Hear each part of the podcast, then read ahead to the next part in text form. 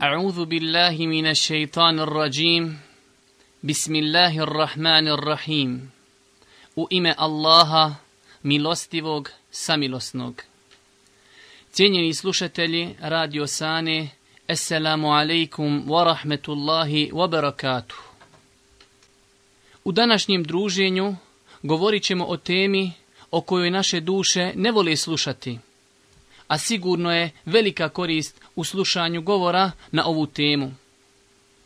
Govorit ćemo o stvarnosti koja čeka svakog od nas i ne pošteđuje nikoga, bez razlike kojem sloju i staležu ljudi pripadaju. To je stvarnost koja čeka sve nas, bez razlike bili bogati ili siromašni, bez razlike bili stari ili mladi, bez razlike bili ugledni u društvu u kojem živimo ili ne, bez razlike bili vjernici ili nevjernici, bez razlike željeli mi to ili ne, bez razlike bili spremni ili ne, to je stvarnost koja kada dođe ne može se odgoditi. To je ono što nije zaobišlo ni najodabranije Allahove robove, Allahove poslanike i vjerovjesnike. Na čelu tih odabranih ljudi je Allahu miljenik, Muhammed, koji je osjetio gorčinu tog pića.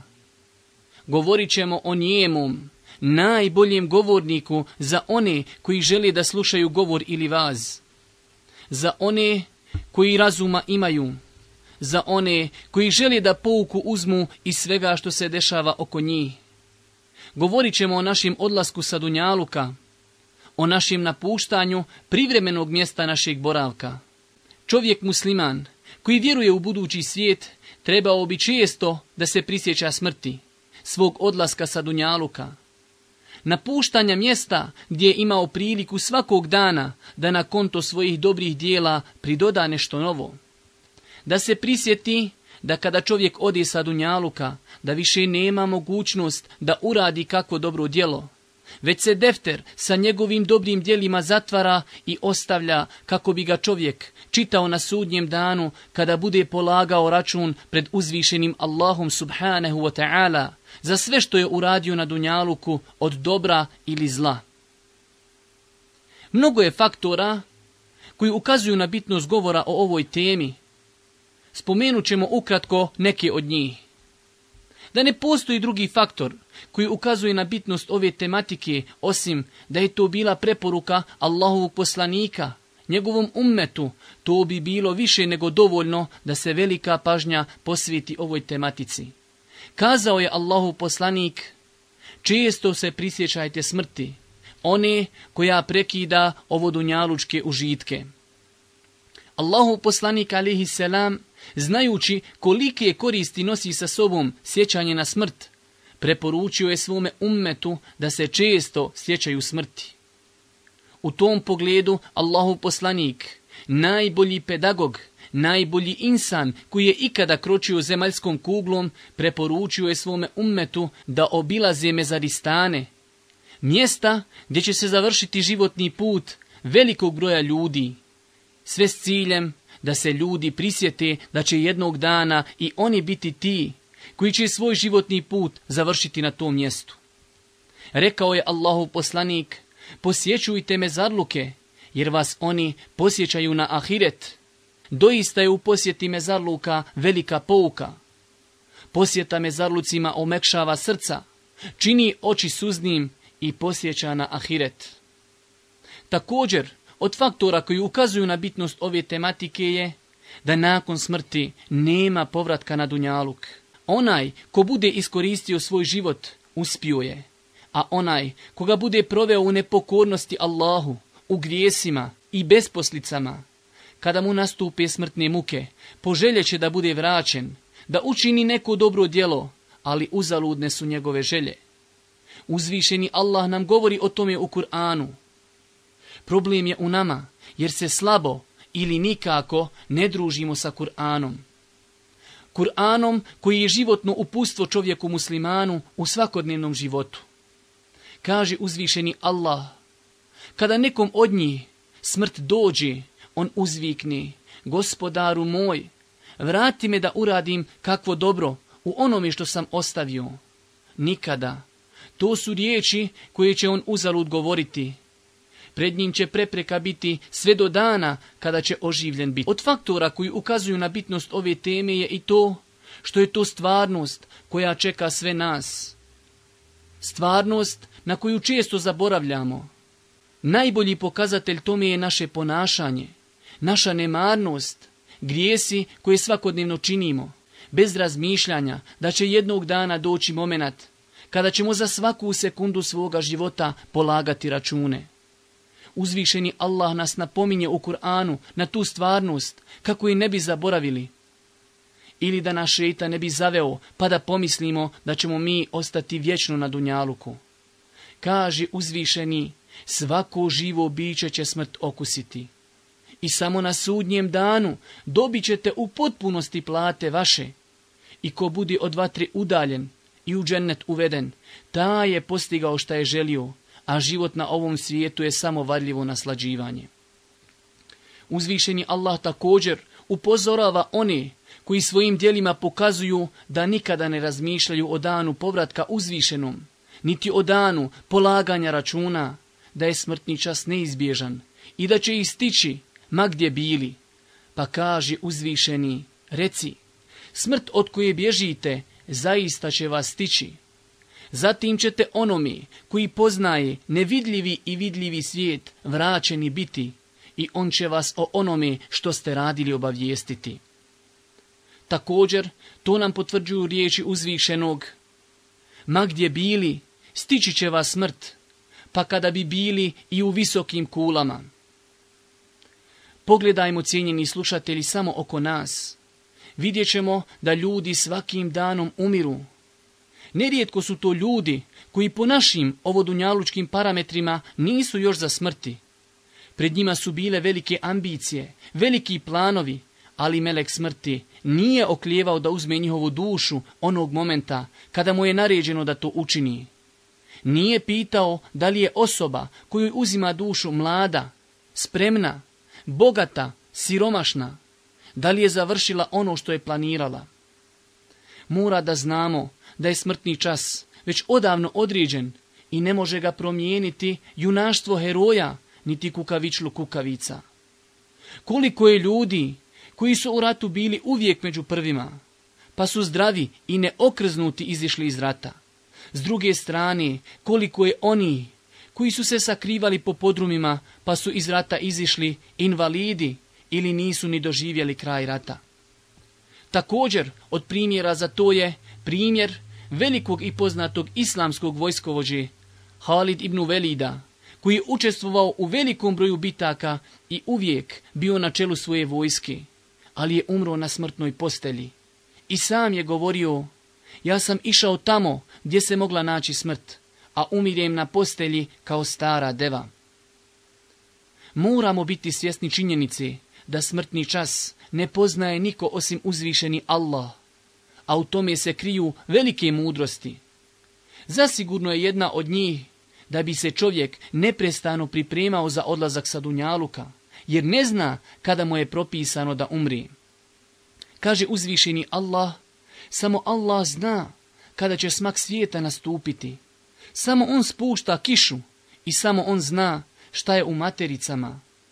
A čovjek ne zna šta će sutra zaraditi i ne zna čovjek u kojoj će zemlji umrijeti. Allah u istinu sve zna i o svemu je obaviješten.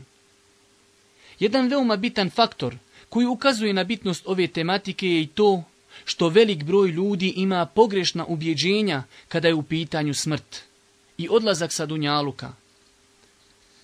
Kod velikog broja ljudi je prisutno ubjeđenje da umiru samo stari ljudi, te sami sebe tješi još sam ja mlad, još meni nije vrijeme da napustim Dunjaluk.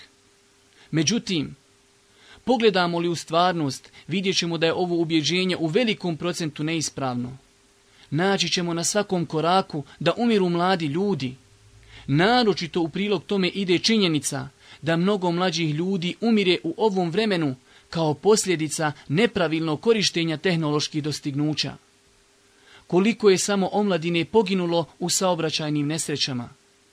Nesrećama koje su u velikom broju slučajeva plod nepravilno korištenja automobila ili nepoštovanje saobraćajnih znakova. Koliko je mladi koji svakodnevno umiru kao plod grijeha koje čini, tako ćemo naći da velik broj omladinaca umire od side kao posljedica kršenja Allahovih zabrana – u ovom slučaju činjenja prostitucije, bluda, koji je strogo zabranjen načelima ove vjere. Koliko je mladih koji umiru kao plod konzumiranja droge i alkohola, a opet je to plod činjenja onoga što je vjerom strogo zabranjeno. Ne smijemo se zavaravati i govoriti da smo još mladi, da smo još mladi za odlazak sa Dunjaluka, da je pred nama život. Pogledajmo oko sebe, pa ćemo vidjeti koliko je ljudi koje smo poznavali, bili su naših godina ili mlađi od nas, a oni su se već naležali u zemlji, čak toliko dugo da od njihovih tijela više ništa nije ostalo. Kako da se zavaravamo da ćemo doživjeti starost, a niko, ama baš niko nam ne može garantovati da ćemo doživjeti sutrašnji dan, a li da nam može garantovati da ćemo doživjeti poznu starost poznu starost u kojoj mi eventualno mislimo da odemo na hađ, da se pokajemo za učinjene grijehe.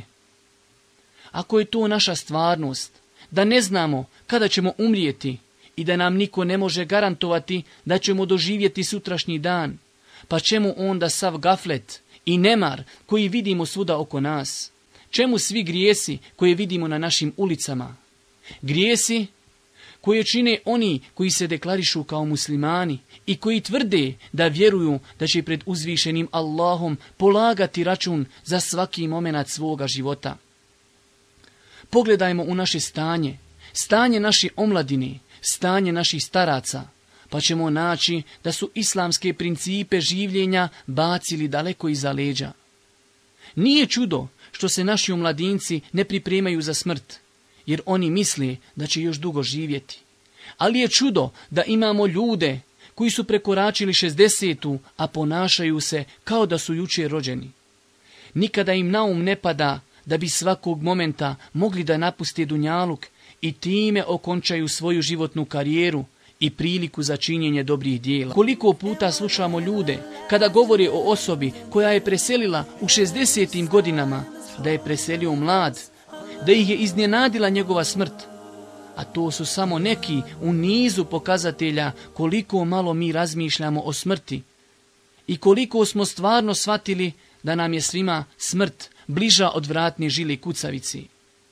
Grijesi i nemoral koji svakodnevno činimo toliko su preplavili i zacrnjali naša srca da se nikada ne sjetimo prve noći u kaburu da se ne prisjetimo da sa sobom nećemo u kabru ponijeti ništa osim čefine i ono i ono što smo učinili od dobrih dijela na Dunjaluku. Da li smo ikada sjeli i sami sa sobom porazgovarali, sami sebi račune svodili, da li smo ikada sebi postavili pitanje za koje bi dijelo koji smo konstantno činili dok smo bili na Dunjaluku, mogli očekivati da nam se Allah smiluje i da nam oprosti naše pogreške i grijehe. Veoma je teško naći neko djelo koje zavrjeđuje pažnju. Imamo mi mnogo dijela, ali je malo onih koja se dobrim smatraju gledano kroz prizmu ove vjeri. To je jedna strana da u našim dijelima ne možemo naći djelo zbog koje bi mogli očekivati Allahu milost a druga strana je da mi imamo toliko grijeha i loših dijela u našem dosjeu, da je zaista teško i pomisliti da nam se Allah uzvišeni smiluje i da nam to oprosti. Pogledajmo stanje muslimana kada je u pitanju najveći temelj ove vjeri nakon svjedočenja da nema Boga osim Allaha i da je Muhammed Allahu poslanik. Namaz, najveći temelj ove vjeri, a koliko je ljudi koji obavljaju redovno propisani namaze. Sigurno je malo onih koji redovno klanjaju i obavljaju propisani namaze. Kako onda očekivati Allahovu milost i oprost, a mi smo ostavili temeljna načela vjeri? Zar ne znamo da je Allahu poslanik kazao da je namaz prvo djelo za koje će čovjek polagati račun na sudnjem danu? Pa ako bude dobar namaz i bude primljen kod Allaha, bit će dobra i primljena ostala djela, a ako ne bude dobar i primljen namaz, neće biti primljena ni ostala djela. Pogledajmo naše stanje naspram Allahove knjige, Kur'ana. Koliko je ljudi koji žive u islamu nekoliko desetljeća, a ne znaju učiti u Kur'anu. Ili još gore od toga, nikada nisu uzeli Kur'an u ruke. Kako od takvih očekivati da se boje Allaha, i da ispunjavaju ono što im je naredio Allah subhanahu wa ta'ala i da ostavljaju ono što im je zabranio. Toliko puta slušamo u džamiji učenje prvih ajeta sure El Beqara, poznati u narodu kao Elif Lamin, da nikada nismo postavili sebi pitanje šta je prijevod značenja tih ajeta. Elif Lamin. ذلك الكتاب لا ريب فيه هُدَلِّ الْمُتَّقِينَ Ova knjiga u koju nema nikakve sumnje upustvo je svima onima koji se budu Allaha bojali. Pogledajmo da Allah, stvoritelj zemlje i nebesa, na početku Kur'ana, u prvim ajetima, pojašnjava cilj objavljivanja Kur'ana, a to je da bude upustvo onima koji se budu Allaha bojali. Kako je moguće zamisliti život na Dunjaluku bez druženja sa Kur'anom, koji je upustvo od onoga koji je stvorio Dunjaluk i insana koji živi na Dunjaluku? Pogledajmo samo u insana kada proizvede neku mašinu ili lijek, uz njega obavezno dolazi upustvo za upotrebu, kako ne bi nepromišljenim korištenjem tih mašina napravili štetu sebi i drugima ili da ne bi pokvarili tu mašinu čija vrijednost nije velika u odnosu na ahiret. A mi želimo da živimo na dunjaluku bez smjernica onoga koji je stvorio insana i najbolje zna šta insanu treba u dunjalučkom životu. Onaj ko ostavi rad po tom upustvu, po Kur'anu, na sigurnom je putu da zaluta i da tako izgubi dunjaluk, a pravu štetu će tek vidjeti na ahiretu. Kaže uzvišeni Allah, a onaj ko okrene glavu od knjige moje, taj će teškim životom živjeti i na sudnjem danu ćemo ga slijepim oživjeti. Gospodaru moj, reći će, zašto si me slijepa oživio kad sam vid imao? Evo zašto, reći će on. Dokazi naši su ti dolazili, ali si ih zaboravljao, pa ćeš danas ti isto tako biti zaboravljen. I tako ćemo mi kazniti sve one koji se pohotama previše odaju i u dokaze gospodara svoga ne vjeruju, a patnja na onom svijetu bit će uistinu bolnija i vječna. Čovjek se nekada zanese svojim dobrim dijelima i pomisli da je spreman za susret sa melekom smrti. A pogledajmo u stanje Allahovog poslanika i generacija koje su došle nakon njega, pa ćemo vidjeti da su naša dijela više malehna da bi se mogli oslanjati na njih. Allahu poslanik, alihi selam, Allahu miljenik, onaj kome je Allah oprostio prijašnje i kasnije krivice, toliko je klanjao dobrovoljni noćni namaz, da su mu noge oticale od dugog stajanja u namazu. Pogledajte razliku između nas i poslanika – on bi toliko klanjao dobrovoljni noćni namaz, da bi mu noge oticale od dugog stajanja u namazu. A mi ne možemo savladati šetana da klanjamo propisane namaze, za čije ostavljanje nam se prijeti velikom prijetnjom. Do te mjeri da je Allahu poslani kazao, između insana i nevjerstva i širka je ostavljanje namaza. Kazao jedan pobožnjak iz prvih generacija – svi smo mi ubijeđeni da ćemo umrijeti, ali ja ne vidim da se spremamo za smrtni čas. Svi mi znamo i vjerujemo da je džennet nagrada koju je Allah pripremio za pokorne robove, ali je malo onih koji se trude da tu nagradu zasluži. Svi mi znamo da je džehennem kazna koju je Allah pripremio za nepokorne robove, ali je malo onih koji se svojim djelima čuvaju od njih. Problem je sigurno u nama. Mi mislimo da ćemo vječno čitati na džamijskom panovu smrtovnice drugih ljudi. Zaboravljamo, kako god mi danas čitamo smrtovnice drugih ljudi, tako će sutra drugi čitati smrtovnicu sa našom slikom.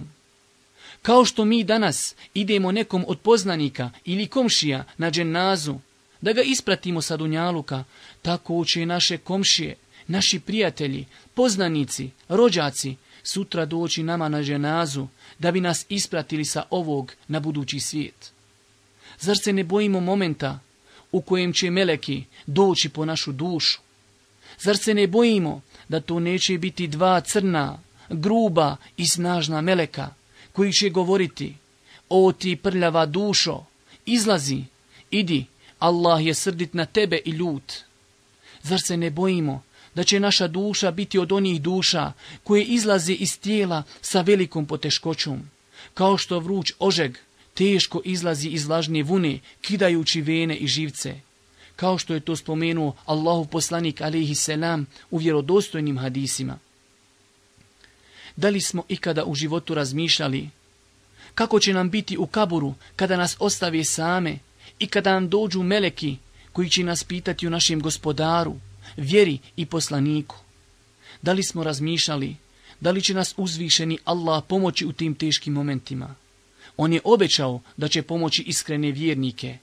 Kaže uzvišeni, Allah će vjernike postojanom riječu učvrstiti i na ovom i na onom svijetu, a nevjernike će u zabludi ostaviti Allah radi šta hoće. Da li već od danas upućujemo dove uzvišenom da nas učvrsti u tim kriznim i teškim momentima? Zar se ne plašimo lošeg završetka na Dunjaluku? Zar nikada nismo čuli da se djela cijene i vrednuju po njihovim završnicama? Koliko je ljudi koji kada mu nastupe smrtne muke i bude mu kazano reci la ilaha illallah ne mogu da kažu, počnu da pjevaju počinju da spominju ono zašto se vezivala njihova duša na Dunjaluku, kao što je trgovina ili slično. Zar se ne bojimo da u tim teškim momentima, kada nam nastupe smrtne muke i bude nam rečeno, kaži la ilaha illallah, da nećemo početi spominjati imena žena koje su okupirale naše srce na Dunjaluku, do te mjere da ih nismo mogli zaboraviti u momentu kada su nam nastupile smrtne muke. Zamislite da u takvom stanju odemo sa Dunjaluka i tako budemo proživljeni na sudnjem danu. Jer čovjek će biti proživljen na sudnjem danu u onom stanju u kojem je bio kada je odlazio sa Dunjaluka. Kao što nas je o tome obavijestio Allahu poslanik alihi selam u vjerodostojnim hadisima. Zamislite koliko je poniženje da neko bude proživljen na sudnjem danu pred uzvišenim u pijanom stanju pod dejstvom droge, kako pjeva, spominje imena žena koje su okupirale njegovo srce na Dunjaluku. Moramo postaviti sebi pitanje, da li smo spremni da napustimo širinu Dunjaluka i zamijenimo je tjeskobom kabura.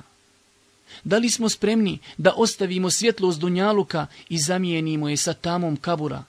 Da li smo spremni da napustimo Dunjalučko društvo i zamijenimo ga kaburskom samoćom? Ne smijemo dozvoliti da nas šetan zavede i da pripremanje za susret sa melekom smrti odgodimo za dane pozne starosti. Nažalost, to je zamka u koju je pao velik broj čovječanstva. Ljudi odgađaju pripreme za smrt i odlazak sa Dunjaluka za dane pozne starosti. Kako je to providna zamka? Kako odgađati tako bitnu stvar za momenat čije doživljenje nam ne može niko garantovati?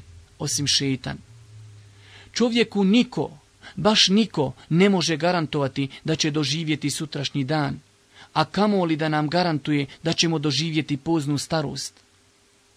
Koliko je ljudi nasjelo na ove jeftine i providne šeitanove zamke, pa su čitav život robovali šeitanu, bili nemoralni, griješili, kršili Allahove granice, sve pod izgovorom da će se pokajati kada doživi poznu starost ali melek smrti ih je preduhitrio. Došao je iznenada i nenajavljen, ne pitajući da li su spremni. Kada bi se često sjećali odlaska sa Dunjaluka, kada bi se često sjećali smrtnih momenata, sigurno bi bili mnogo bolji u svakom pogledu. Bili bi bolji u našem odnosu prema gospodaru. Činili bi ono što nam je naređeno, ostavljali bi ono što nam je zabranjeno. Bili bi bolji, mekši i plemenitiji u odnosu prema ljudima koji nas okružuju. Bili bi bolji prema našoj supruzi, djeci, roditeljima, komšiluku. Mnogo je načina kako čovjek kod sebe može oživjeti sjećanje na smrt. Spomenut ćemo neke od njih. Jedan od najboljih načina prisjećanja na smrt je posjeta mezarlucima. To je ono na što nas je podstakao Allahu poslanik alihi selam. Mnogo je hadisa u kojima poslanik postiče sljedbenike ove vjere da obilaze mezarluke, jer je u tome prisjećanje na smrt i odlazak sa ovog svijeta.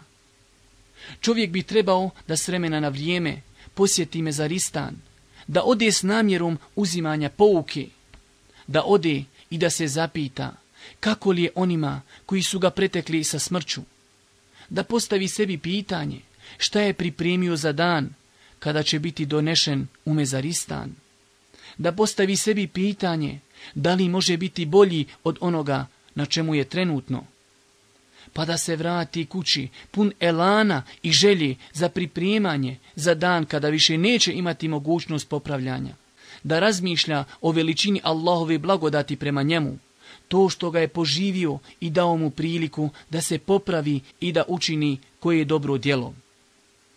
Također, od plodonosnih načina sjećanja na smrt je da čovjek obilazi bolesnike i one kojima su nastupile smrtne muke.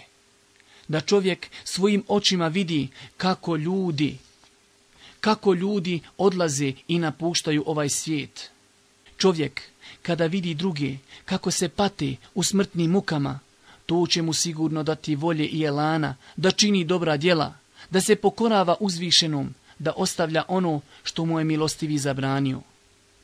Čovjek treba da bude svjestan činjenici, da i šetan u momentima kada insanu nastupe smrtne muke daje sve od sebe, da zavede insana u tim teškim momentima, da poljulja njegovo vjerovanje, nadu Allahu milost i oprost znajući da više neće imati prilike da zavodi insana. On u tim momentima ulaže sve raspoložive resurse kako bi poljuljao vjerovanje insana. Zato je veoma bitno da se čovjek priprema za taj moment i da ga koliko je njegove mogućnosti dočeka spreman.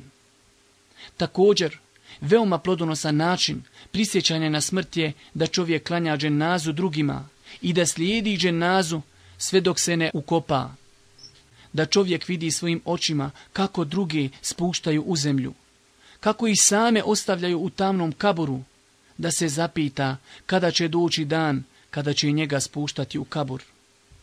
Nažalost, mi živimo u vremenu kada ljudi dolazi na dženazu nekom od poznanika, radnom kolegi, nekom od rodbine i stoje pred džamijom i čekaju da ljudi završe dnevni obavezni namaz – pa kada iziđu iz džamije, onda se oni priključuju njima u klanjanju dženazi namaza. Oni nisu uzeli ni najminimalniju pouku i smrti radnog kolege ili nekog poznanika.